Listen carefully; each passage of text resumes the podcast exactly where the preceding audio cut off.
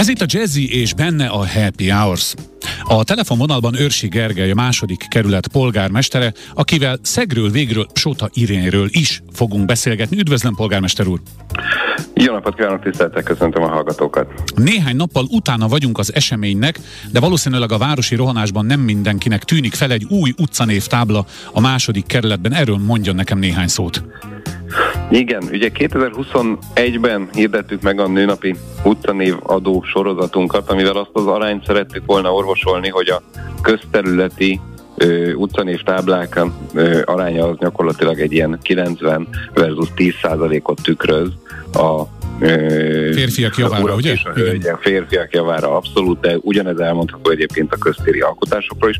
Miközben itt Budán különösen számtalan olyan híres ö, szomszédunk élt, alkotott, dolgozott, akiről a mai napig nem volt elnevezve ö, közterületi utcanév. Mi arra figyeltünk, hogy olyan közterületeket választanak ki a lakók, hiszen itt fontos elmondani, hogy ezt nem mi egy térkép fölött és egy történelemkönyv vagy egy ö, enciklopédia fölött ülve találtuk ki, hogy melyik közterületet milyen mi, vagy miről, kiről nevezzük el, hanem itt a közösség véleményét kértük, több mint ezer javaslat érkezett, négy közterületet neveztünk el, és most március 28-án születésének 93. évfordulóján avattuk föl a Sota Irén utca tábláit is. Hmm. Na, akkor a következő kérdés, ami a hallgatóban felmerül, hogy akkor hol találom a Sota Irén utcát? Nyilván a Sota Irén utcában, de valahogy próbáljuk meg megközelíteni. A második kerületnek melyik részén? Igen, most már szerencsére ezt a térképek is jelölik, legalábbis a Igen? digitálisak mindenképpen. Igen, ez a Nagy Imre tél és a rakpart között található, van ott egy szálloda, nem tudom, olyannak szabad nem mondanom a nevét. Ez az, az előtt, az, az, az és a ö, rakpartot összekötő kicsi utca és mm-hmm. útszakasz.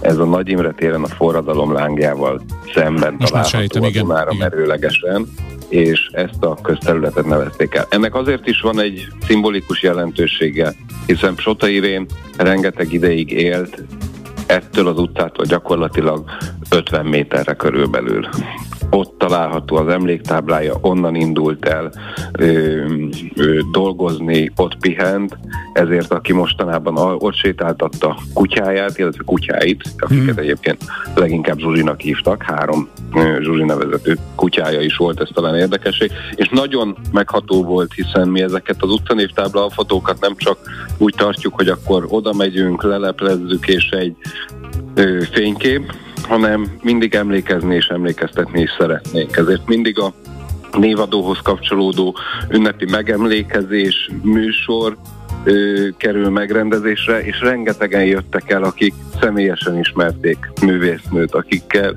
együtt sétált, beszélgetett, és tudták, hogy hol és éppen mikor van, vagy éppen ott a háza előtt, a Sota Irén utcától nem messze adtak 85. születésnapján koncertet, és külön megtiszteltetés volt, hogy a, Velünk tartott Szirtes Tamás a Madács Színház igazgatója, Képes Gábor költő, és Farkas Gábor Gábriel énekes színész, akik tényleg egy olyan műsort és megemlékezést tartottak, ami méltó volt művésznő emlékéhez. Akkor én csak azt tudom mondani a kedves hallgatóknak, hogy járjanak nyitott szemmel, keressék ezt az új utcanév táblát.